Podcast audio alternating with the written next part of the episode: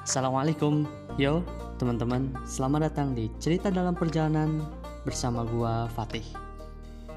Cerita dalam perjalanan adalah cerita-cerita seru dari pengalaman gua pribadi atau orang yang gua temuin dalam perjalanan hidup gua.